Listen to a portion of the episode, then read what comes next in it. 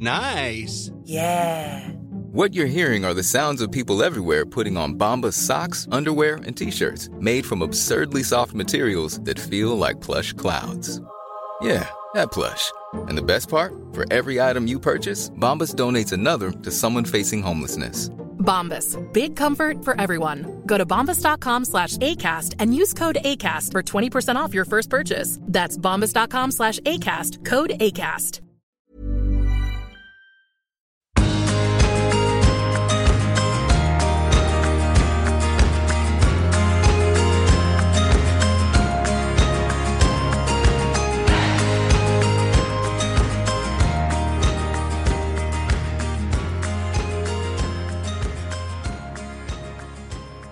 Hei og velkommen inn til Du er unik-podden. Jeg er Unni, og i dag så har jeg et emne om mat. Maten vår, hvordan påvirker den hverdagen og livet vårt? Har du noen gang filosofert over det her med mat? At eh, mat har blitt en stor del av livet vårt? Mat var jo en gang noe som vi fanga eller plukka rundt oss, der vi levde ut i naturen for å overleve og få energi til livet. Og vi tok jo det naturen eh, bød på. Og dere guttene var jegere, og dere jentene var sankerne. Og gutta kom hjem med kjøtt og fisk og fugl, som er proteiner. Og vi jentene vi plukka alt som vokste opp fra jorda, og det er karbohydratene. Og godt fett det fikk vi jo fra fisken og nøtter og dyrekjøttet. Og genforskning da, viser at genetikken vår er omtrent den samme som den gangen da vi levde i hula og var steinaldermennesker. Og Det betyr jo at den maten vi fant da, det er jo det som vi er genetisk laga for å spise. Og alle var vi aktive og bidro til overlevelse. Og vi brukte mye energi for å fange og tilberede maten vår. Hva med i dag? Vi har jo tilgang til all denne maten fra naturen i dag òg. Vi kan jo fortsatt fange og plukke den sjøl, men de fleste av oss går på butikken og kjøper den. Vi kan til og med få den ferdiglaga, så vi bare kan spise. Såkalt ferdigmat eller fast food. da. Og hvis vi bare holdt oss til de her råvarene kjøtt, fisk og fugl og grønnsaker, frukt, nøtter og sunt fett, da, har vi da holdt oss friske, tror du? Med tanke på at uh, genetikken vår fortsatt er på steinaldernivå. Vi var jo ikke husmenn. Vi levde i hula. Vi hadde ikke ku eller korn.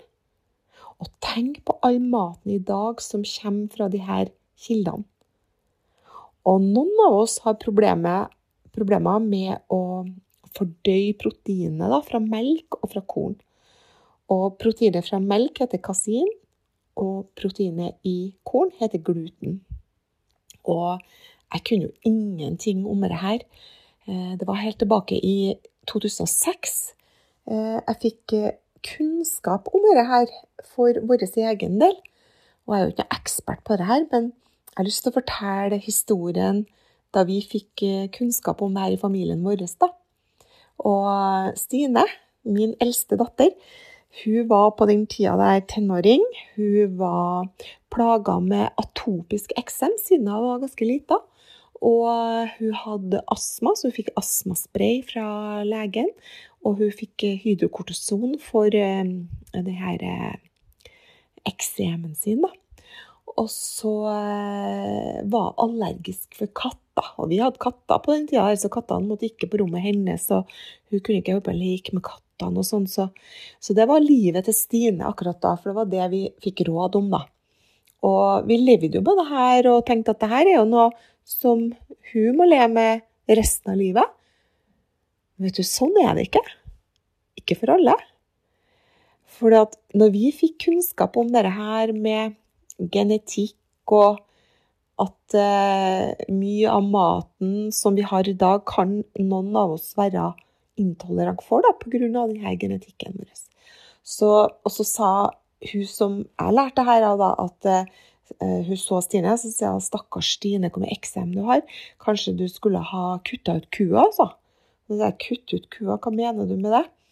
Og så sa det at eh, nei, alt som kommer fra juret, da, som eh, melk og yoghurt og eh, ost og rømme og sånne ting, da, som, eh, som du kan kutte ut, sa en periode, så se om det kanskje hjelper deg. Og så jeg ja, klart vi vil gjøre det. Og vi drakk mye melk i familien vår. Jeg var en ja, ordentlig sånn eh, Jeg var Jeg elska melk. og, så jeg skulle jo være solidarisk da, med Stine. Og så kjøpte vi inn sånn vegetabilsk melk. da, Havremelk og soyamelk og sånne ting. Og kilder og sånn. Og geitost det kunne vi spise. Så det var helt OK. Så vi spiste eh, hvit geitost og brun geitost. og eh, vegetabilske produkter. Og vet du, det var helt utrolig, for etter ca. ei uke så var den eksemen til Stine bort. Men det har den vært før òg. Så sånn atopisk eksem kan jo komme og gå litt, så jeg tenkte at det var bare tilfeldig. Um, så jeg starta på med melk igjen, og så kom eksemen tilbake. Og så tok jeg bort melk og melkeprodukter igjen fra Stine. Og så uh, ble jeg fin. Og så prøvde jeg igjen med melk, og sånn holdt jeg på helt til jeg var 100 sikker på at hun var intolerant for kasinet, da, melkeproteinet. Og vi andre han da, i familien vi fikk jo så bra resultat, vi òg. Så etter der så har vi faktisk vært melkefri. Det, det er altså så mye resultater vi har fått på å kutte ut det, med både hud og eh, oppblåst mage og noen hadde veldig uregelmessig mage og diaré og sånne ting. Så, så, jeg forteller historien her for kanskje du kjenner noen, eller at du sjøl sliter med sånne diffuse plager da, som eh, du ikke kanskje trenger å ha. Um, og, det slår seg ofte på både luftveier og hud og magetarm. Og eh, det med gluten også går veldig mye på psyken og eh, sinnstilstand. At en kan bli litt sånn nedstemt av gluten. En kan bli eh, også der veldig oppblåst i magen. En kan få eh, kjenne at en har mye hodepine, leddsmerter og sånne ting. Som eh, en kan teste ut om blir bedre hvis du kutter ut det. Og som sagt, jeg er ikke ekspert på det her, og det er ingenting som vises på noe blodprøver og sånn. Dette må du bare være din egen biohacker og teste ut for din egen del. Og det, det går ganske fort, så hvis du prøver en uke eller to å være helt 100% vekk fra det, så, og så se hva som skjer. OK. Så hva er det som har skjedd siden den gangen vi levde i hula, da? Jo, vi har fått en matvareindustri som skal få oss til å kjøpe alt som er godt. Alt de lager for oss som presenteres i sånne fristende innpakninger, og med bilder som gjør at vi bare må ha det.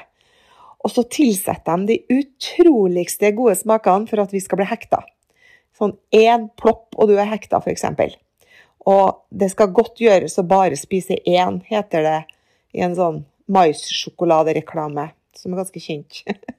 og siden bitene er så sprø og så knasende, så blir vi ikke mett med det første heller. Snarere tvert imot så stimulerer det appetitten vår. Og det her vet industrien. De vet at vi blir hekta, og de vet at det, det de lager, er så godt at vi blir ja, nesten sånn avhengig, at vi bare må ha det. Og når vi ser det i butikkhylla, så bare det, det, er bare nesten umulig å ikke kjøpe det med seg. Så sånn søtt og salt og fett sammen, det er hjernekrøller. Så en sånn f.eks. en sånn sjokoladeglasert liten peanøtt, da, eller en sånn sprø maiskjegle, blir raskt til flere, og vi klarer ikke å stoppe, altså. Og de sier det at om maten har én ren, distinkt smak, som av f.eks. fisk, eller av råvarer med naturlig balanse av næringsstoffer, så vil vi normalt slutte å spise når vi er mett. Matvarer vi syns er skikkelig godt og lett å spise, er ofte bearbeida av matvareindustrien. Den er satt sammen av en bestemt mengde av ulike kilder til fett, salt og søtt. Og så er det skreddersydd for at vi bare skal nyte den, og at vi dermed spiser mer. Og Poenget er jo at vi blir lurt til å kjøpe alt som er godt, og som nødvendigvis ikke er bra for helsa vår. Og jeg tenker ikke nå på hva vi gjør en gang iblant, da, men hva vi gjør hver dag. For det er jo i gåseøyne lett å la være å spise sukker og snop i hverdagen. Men det vi ikke tenker på, og som jeg ikke hadde noe kunnskap om når min reise starta for mange år siden, det er at vanlig mat har så mye sukkerbomber, sånn skjulte sukkerbomber. Jeg tenkte f.eks. aldri på at denne frokosten som jeg ga jentene mine, var en sukkerbombe, og at jeg ga dem skyhøyt blodsukker før de gikk på skolen. De fikk cornflakes med melk, sukker og syltetøy på. Og selve porsjonen med cornflakes det tilsvarte 15 sukkerbiter. Jeg har eh, lest en bok av Fedon Lindberg, han grekeren som kom til Norge du, og tok fra oss matpakken og poteten. Han snakker om hvor mange sukkerbiter av den vanlige norske maten det tilsvarer, da, hvis du spiser det. Så en porsjon cornflakes tilsvarte 15 sukkerbiter.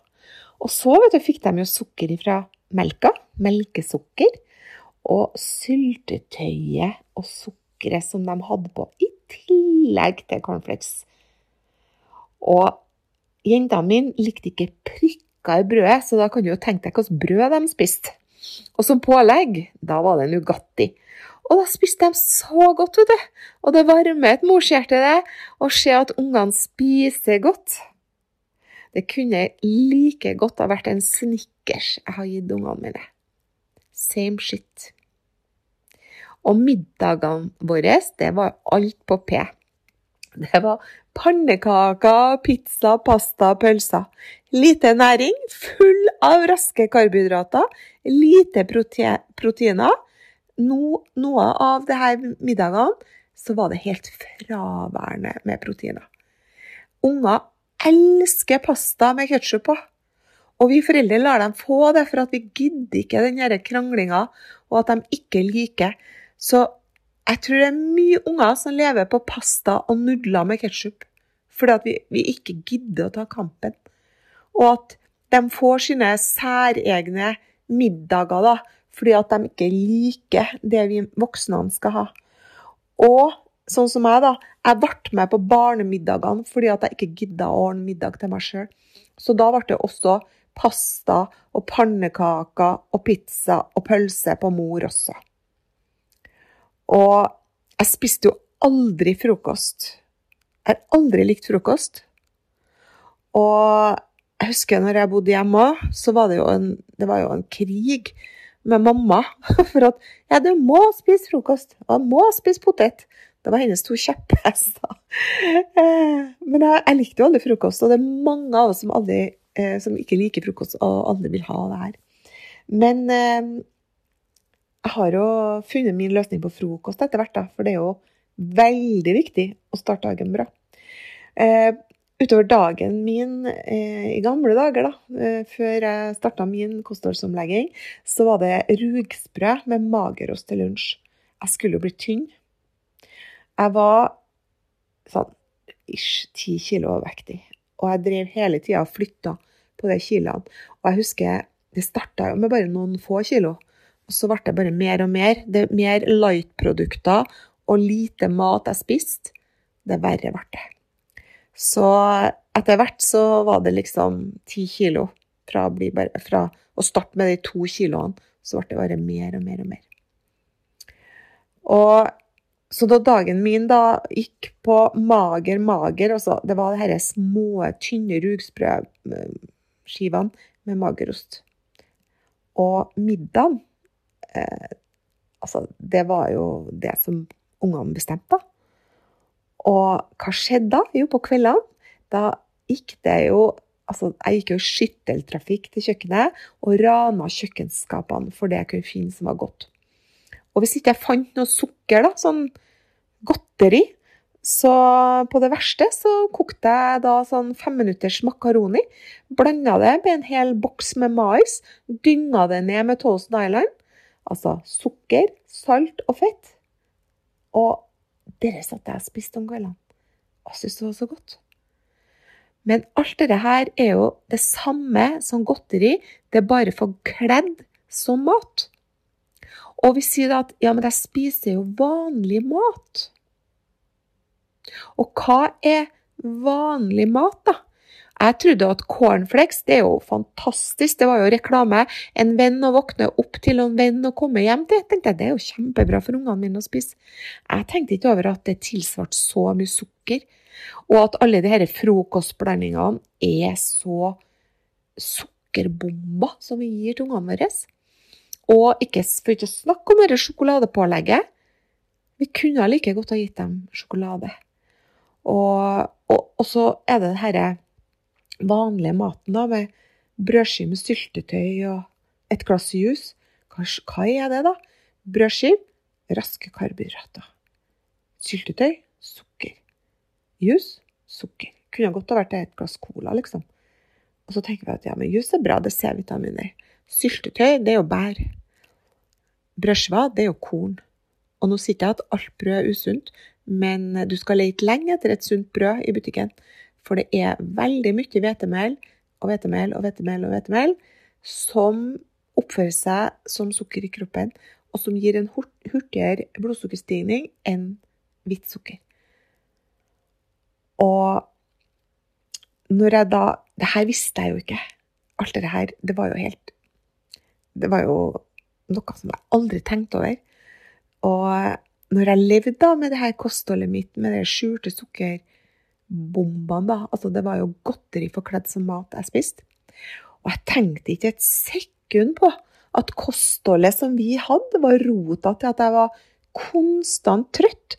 Jeg måtte sove hele tida. Jeg hadde ingen energi. Jeg var overvektig. Jeg var sur. Jeg var lei meg, og alt var et ork. Jeg orka ikke å leke med jentene mine og være med dem i hele tatt. Jeg bare skjøv dem vekk. Jeg satt på TV, film, mamma må sove. Trist. Ja. Jeg tenker på alle familiene som går til grunne pga. dårlig kosthold. At vi foreldrene ikke orker. Vi har ikke noe ork til oss sjøl, til kjæresteri, til, til, å ta vare på oss sjøl, og i hvert fall ikke til å ta vare på ungene våre og gi dem noe av tida vår og gleden vår, og del med dem fra livet vårt. Ja, det her er noe som jeg brenner så for. Så hvis du lytter nå og tenker at vi har det egentlig ikke så bra, vi, vi har ikke så mye energi, vi sliter nå med å få liksom, denne hverdagen til å bli bra, så kanskje ta ei lupe og se på kostholdet ditt. Er det noe der som du kunne ha gjort annerledes for å få mer energi, mer glede, bedre helse, bli glad igjen? Og har du unger som sliter? Har du unger som er urolig? Har du unger som blir stempla som problembarn på skolen? Se på kostholdet deres. Hva får de om morgenen før de går på skolen? Hva har de med seg på matpakken? Hvor mye mat spiser barna dine gjennom dagen? Hvor mye sukker får de i seg? Vi vet hvor dårlig vi blir hvis vi spiser mye sukker, og det blir ungene våre så. Så hvis ungene har en dårlig livskvalitet pga. maten som jeg og du gir til dem, så kan vi gjøre noe med det. For det er jeg og du som bærer inn posene med mat til huset. Det er vi som bestemmer hva som skal være i kjøkkenskapet og i kjøleskapet. Og dette her, jeg holder foredrag i det her med hvordan maten påvirker oss. Og det har jeg gjort siden 2006, og dette her er noe som er så viktig. Jeg tror dette her er kanskje noe av det viktigste lærdommen jeg har fått med meg, og som jeg kan formidle videre. For alt ble endra når jeg tok tak i kostholdet vårt. Jeg fikk hjelp til endring. Fra å ikke ha noe kunnskap, så fikk jeg innsyn i en verden som jeg ikke hadde vært tidligere. Denne verden om hvordan maten påvirker oss. Jeg lærte om hvordan maten påvirker blodsukkeret og gir oss lavt eller høyt blodsukker. Jeg sier bare wow! For en nyttig lærdom. Ikke visste jeg at vi har en kjemisk fabrikk inni oss som påvirkes hele tida over hva vi putter i munnen. Ikke visste jeg at det var så viktig å være nøye med hva vi putter i gapet. Jeg hadde stelt penere med bilen min enn helsa mi. Jeg var livredd for å fylle feil drivstoff på bilen, men jeg tenkte ikke et sekund på hva jeg putta i kroppen. Og det fikk fatale konsekvenser. Det gikk så langt at jeg ble diagnosert utbrent av legen. Og legen spurte om jeg ville ha noe å sove på. Det var løsningen jeg fikk. Men etter fire måneder på sofaen, sovende uten sovemedisin, så, så fikk jeg en telefon som endra livet mitt. Det var Terje. Terje fra Bodø som leverte helsekost til butikken min, som sa at jeg måtte prøve noen måltidserstattere som han hadde fått så mye energi av. Jeg takka pent nei og sa at jeg hadde jo butikken full av sånne lure ting. Jeg trengte bare å sove seg. Og da sa han nei, Unni, du trenger god ernæring, og du spiser veldig dårlig. Jeg sa jeg spiser helt normal mat. Hvor mye proteiner og næringsstoffer er det i den vanlige maten da, Unni? Eh, protein? Nei, jeg aner ikke, svarte jeg. Proteiner det er byggesteinene for cellene våre. Og hvis du ikke spiser proteiner, vil du ikke kunne bygge opp alt som brytes ned i løpet av en dag.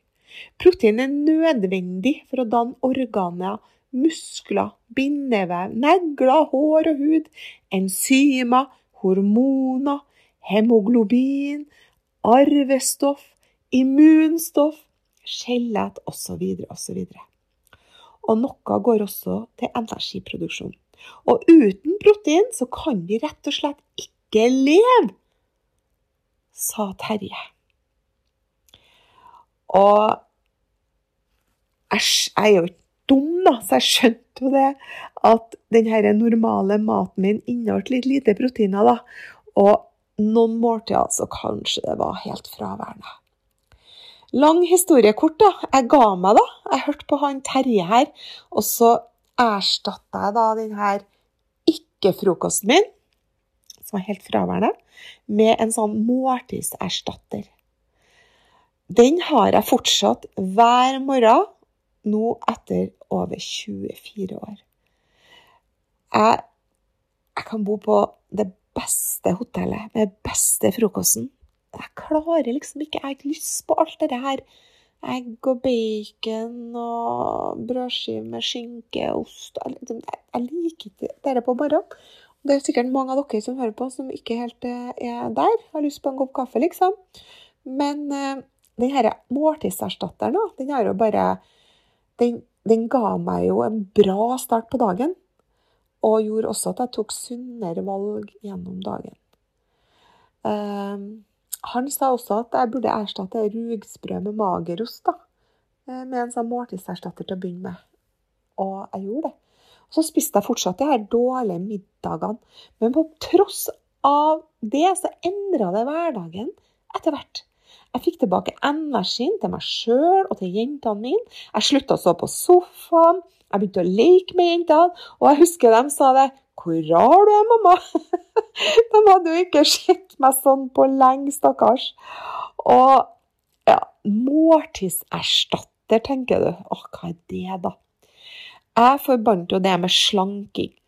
Eh, jeg hadde jo drevet og slanka meg masse og flytta de kiloene opp og ned, og det var ofte sånn pulverkurer eller Rikshospitalets slankekur som Rikshospitalet aldri har hørt om, eller grapefruktkur eller suppekur eller alt det der.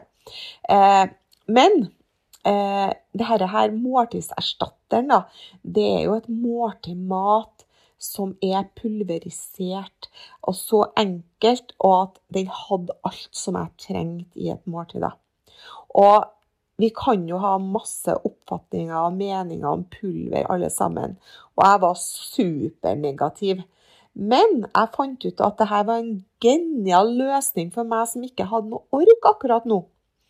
Og før utbrentheten min nå, når jeg da drev denne butikken min, jobba på et sykehjem, hadde to små unger, så hadde jeg ikke tid til å tenke på å lage meg sunn mat hvert måltid. Og, og, og, ikke hadde jeg kunnskap heller. sånn at det her er bare en genial løsning for folk i farta, hvis du ikke har tid til å lage et eh, bra måltid mat, hvis du ikke har lyst på et måltid mat, eh, og tidsklemmer, så, så, kan det være fantastisk å ha en sånn måltidserstatter. Og det her er eh, tidsklemmer. Husker jeg når ungene var små, skulle skynde skynde skynde deg om morgenen. Eh, kom hjem, skynde skynde. Ungene skulle kjøres hit og dit. Og skulle liksom trykke ned noe mat i ungene før de eh, dro på trening og alt det der òg. Eh, middagen liksom skulle gå så fort, og det ble en sånn salderingspost med middag noen ganger. For de skulle jo videre på aktiviteter osv. Så, videre, og så, så så han er måltidserstatteren som jeg fikk inn i livet mitt i 1998, den har gjort veldig mye bra for familien vår. da. Eh, når vi har tidsklemme, når vi ikke har lyst på mat, når vi trenger ekstra næring, når vi trenger noe før trening som er lett å trene på, når vi trenger noe kanskje å fylle opp rett etter trening, og noe sunt å bake med, noe å lage grøt med, og tilsette ekstra proteiner i maten, osv., osv., osv. Så, videre, og så videre, og jeg tenker tilbake da, når jeg fikk denne måltidserstatteren i livet så kunne jeg gjort det her med mat da, og blanda proteiner, riktige karbohydrater, rett, riktig fett og vitaminer, mineraler og fiber til alle måltidene. Men for meg så har det her vært en utfordring. Og i denne måltidserstatteren så fikk jeg alt jeg trengte, og så var han blodsukkerstabil. Og det var jo det som gjorde at jeg begynte å virkelig eh, få tilbake helsa mi.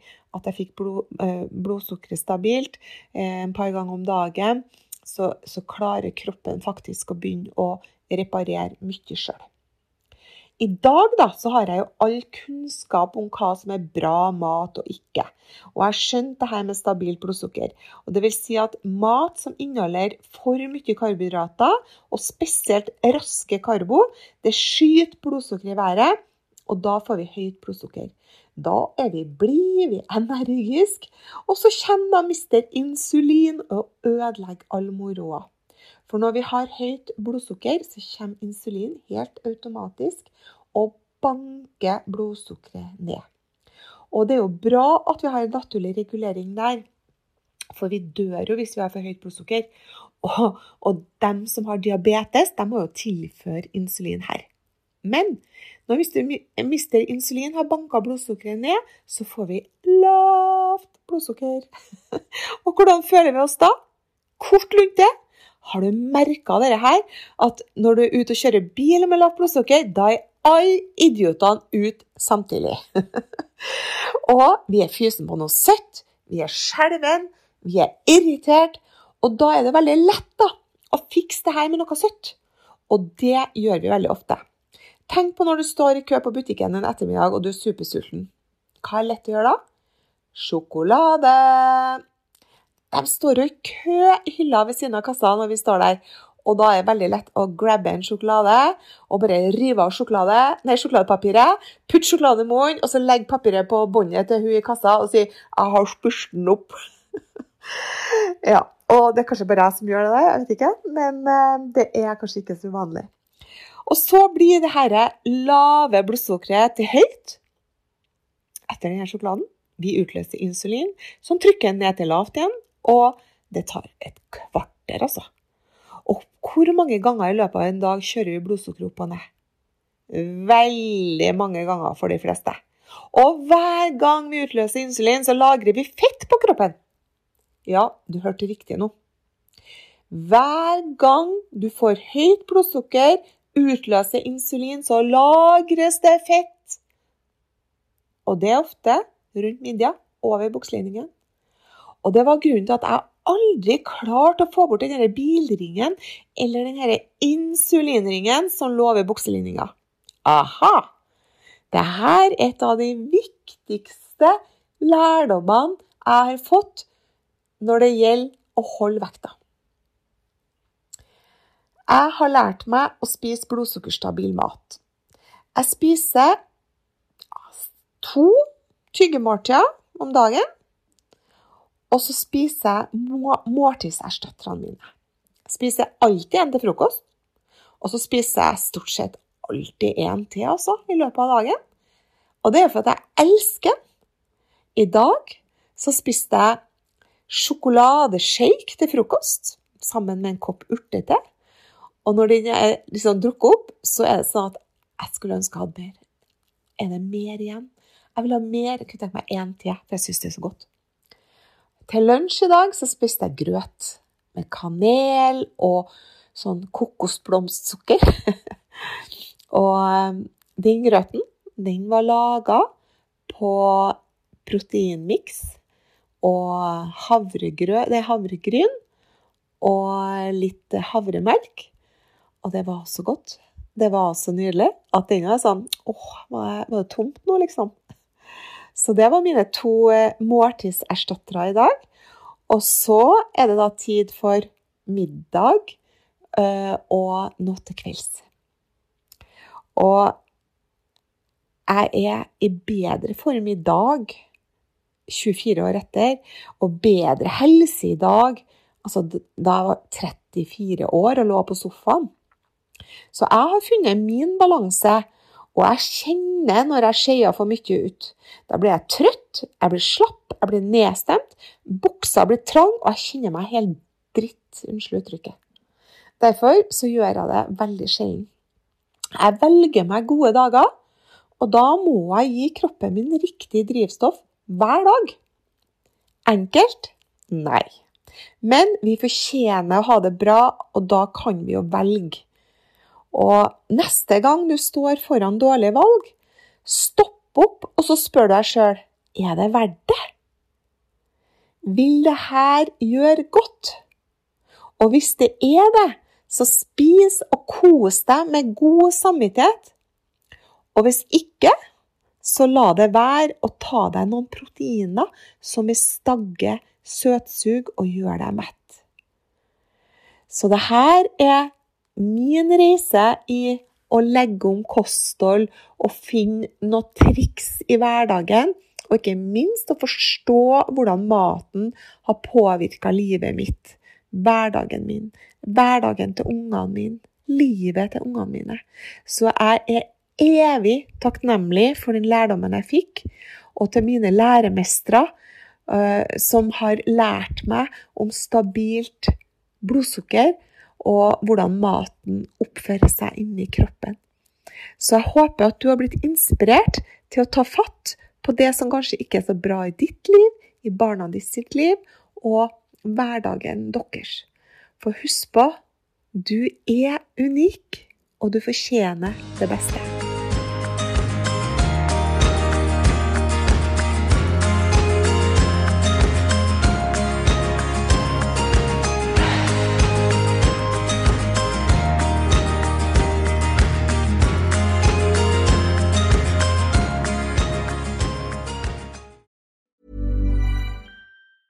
Planning for your next trip? Elevate your travel style with Quince. Quince has all the jet setting essentials you'll want for your next getaway, like European linen, premium luggage options, buttery soft Italian leather bags, and so much more. And is all priced at 50 to 80% less than similar brands. Plus, Quince only works with factories that use safe and ethical manufacturing practices. Pack your bags with high-quality essentials you'll be wearing for vacations to come with Quince. Go to quince.com slash pack for free shipping and 365-day returns.